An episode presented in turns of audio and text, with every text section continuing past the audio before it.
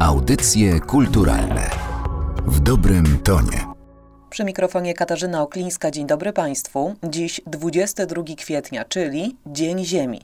Z tej okazji przyjrzymy się postrzeganiu odpadów w kulturze nadmiaru. Wszystko dzięki badaniu etnograficznemu Narodowego Centrum Kultury. Naszym gościem jest koordynatorka projektu Grażyna Pol z działu badań i analiz NCK. Dzień dobry. Dzień dobry Państwu. Dzień dobry Kasiu. Cel tego badania to ogólnie mówiąc dowiedzenie się, jak traktujemy odpady, a konkretniej, kiedy rzecz staje się śmieciem, jak długo używamy przedmiot, zanim stanie się dla nas bezużyteczny i jakie powody skłaniają nas do kupowania.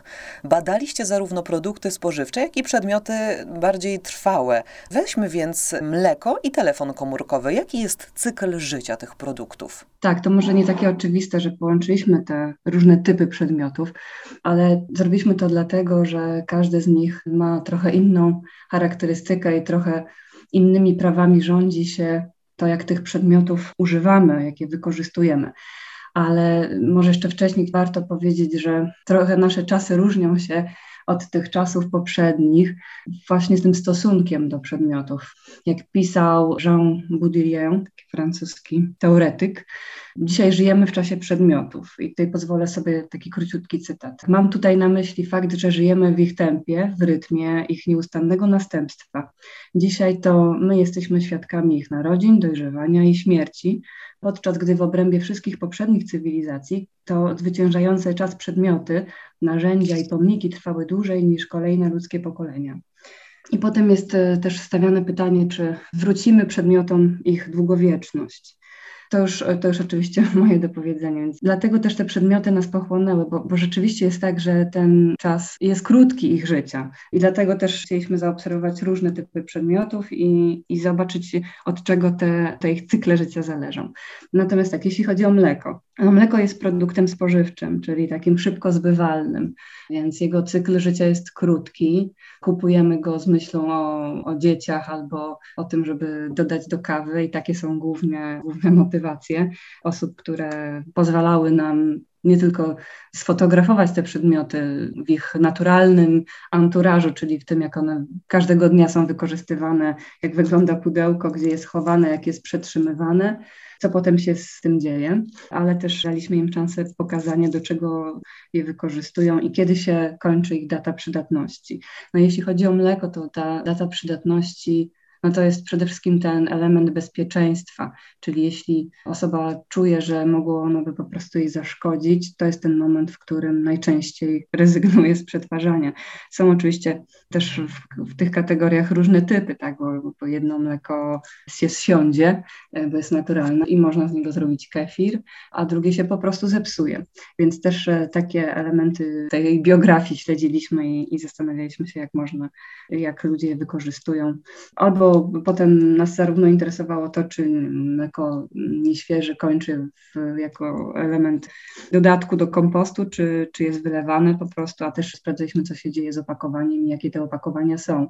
Czy są szklane, czy są tetrapakiem, czy, czy plastikowe, tak? No to też jakby pokazuje świadomość osób, ich podejście nie tylko do przedmiotu, ale też do, do opakowania, czyli do takiego szerszego zagadnienia, jakim jest gospodarowanie odpadami. A co z telefonem komórkowym? No, właśnie, telefon inną ma tą dynamikę, dlatego że no, wykorzystywany jest w zasadzie codziennie i do bardzo wielu rzeczy. Telefon już nie jest tylko telefonem, jest jest ekranem, służy do oglądania telewizji, służy do komunikowania się przez media społecznościowe, do namierzania swoich znajomych czy dzieci przez różne aplikacje, czy do jakichś innych rzeczy specyficznych dla danej jednostki. W każdym razie jest to przedmiot, z którym się badań nie rozstają. Nawet robiąc w trakcie badania zdjęcia, no to też fotografowali się tymi telefonami, które były przedmiotem mm. badania. A czy na podstawie badania możemy powiedzieć, jasno stwierdzić, czy jesteśmy skłonni do naprawiania starego zamiast kupować nowe? Weźmy na przykład buty, które też znalazły się w obszarze zainteresowań badaczy. Tak, buty się znalazły, ale tylko tak pośrednio. Bardziej e, tutaj chodziło o, właśnie o to, czy naprawiamy rzeczy. No i wniosek e, z badania jest taki, że naprawiamy wtedy, kiedy się opłaca.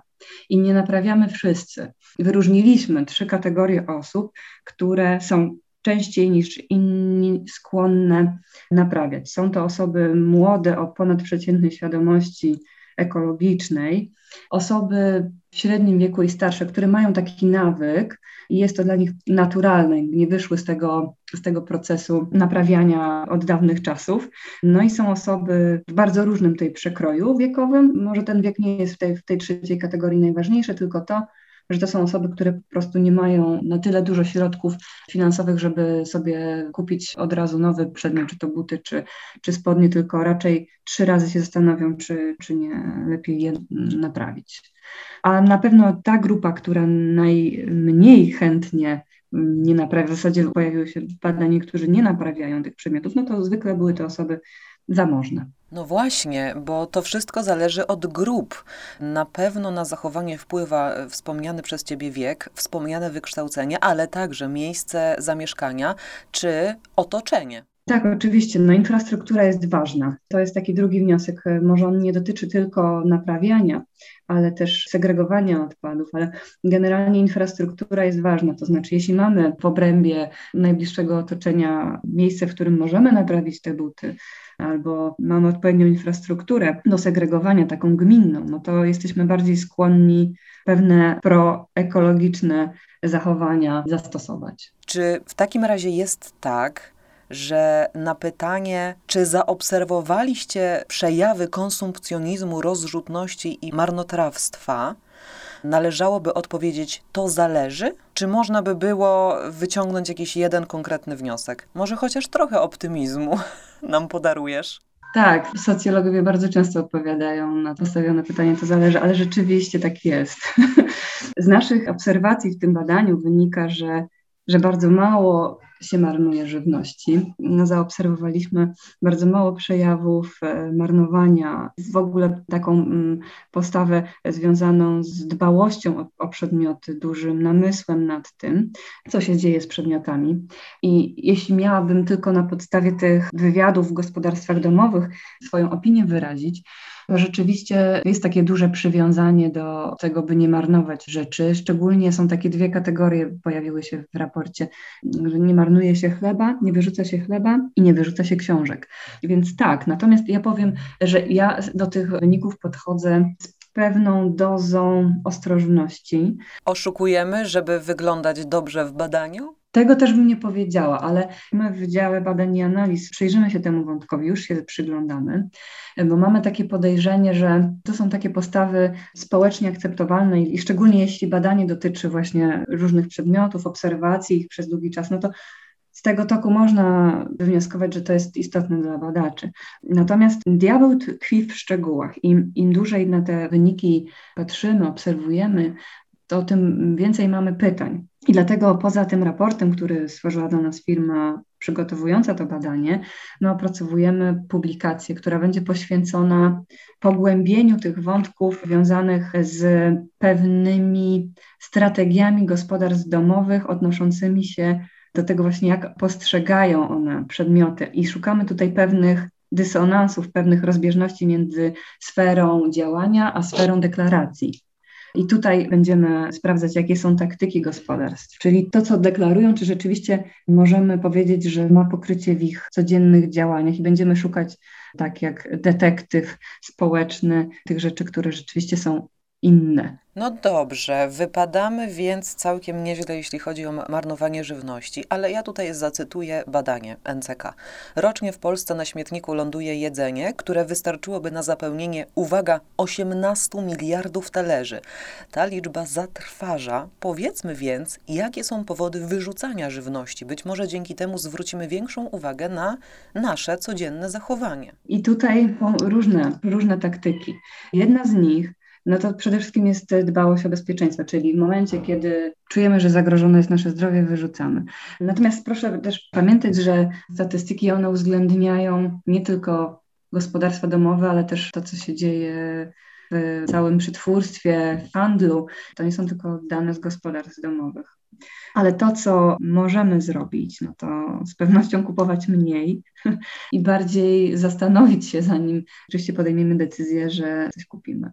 Czyli nie kupować dla przyjemności może i, i nie spontanicznie, tylko planem w ręku No, mówi się też, że są dwa typy użytkowania przedmiotów, takich trwalszych, jak ubrania na przykład. Czyli możemy nosić je aż do zdarcia, albo nosić wtedy, kiedy są modne. No i wiadomo, że ta druga strategia nie sprzyja zmniejszaniu konsumpcji. Skoro mówimy o używaniu rzeczy, o kupowaniu ich, wymienianiu na nowe i o wyrzucaniu jedzenia, to musimy też powiedzieć o segregacji śmieci. Narzekamy na nią, jest uciążliwa, wymaga zaangażowania. Nie wierzymy też, to jest moje osobiste odczucie, chyba w sens segregacji. Przynajmniej tak wnoszę po obserwacji niektórych członków mojej rodziny, a także znajomych, przyjaciół, kolegów również z pracy. Powiedz zatem, czy na podstawie badania można powiedzieć, czy nasze podejście do tej kwestii chociaż trochę pozytywnie zmienia się na lepsze na przestrzeni lat. Należy pamiętać o tym, że badanie nie jest reprezentatywne. To było badanie jakościowe, oparte na wywiadach takich pogłębionych w gospodarstwach domowych z członkami rodziny, więc absolutnie nie możemy tutaj mówić o ogóle.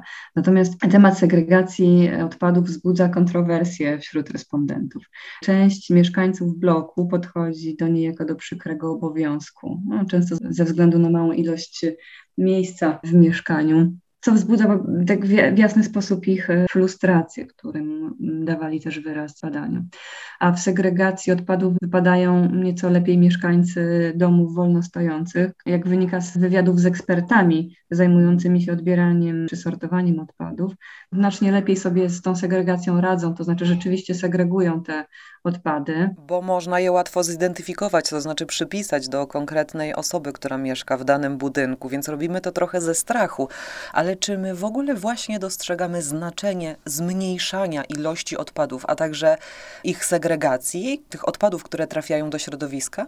W raporcie czytamy o wynikach innego badania, które mówi, że więcej niż co czwarta osoba jako przyczynę braku działania w tym zakresie podaje, że nie jest to dla niej ważne. Wydaje mi się, że jest to dosyć smutny wniosek, bo jeżeli nie będzie nam zależało, to te śmieci będziemy produkować w coraz większej ilości, albo przynajmniej tak dużo jak teraz. A ja bym na to spojrzała z innej strony, jeśli chcesz optymizmu. Bardzo proszę. Trzy czwarte nie powiedziało, że to nie jest dla nich ważne. Jeśli trzy czwarte osób rzeczywiście przykłada wagę do tej segregacji, to moim zdaniem to jest bardzo dużo.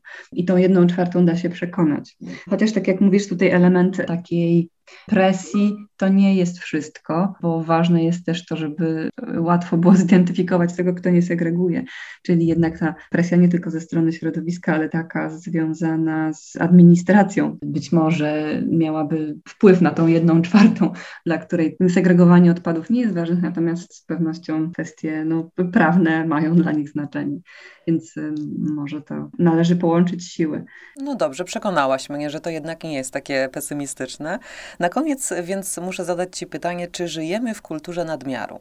No dobrze, odpowiedź na to pytanie jest oczywiście twierdząca, ale czy jest światełko w tunelu dla ludzkości w tym zakresie?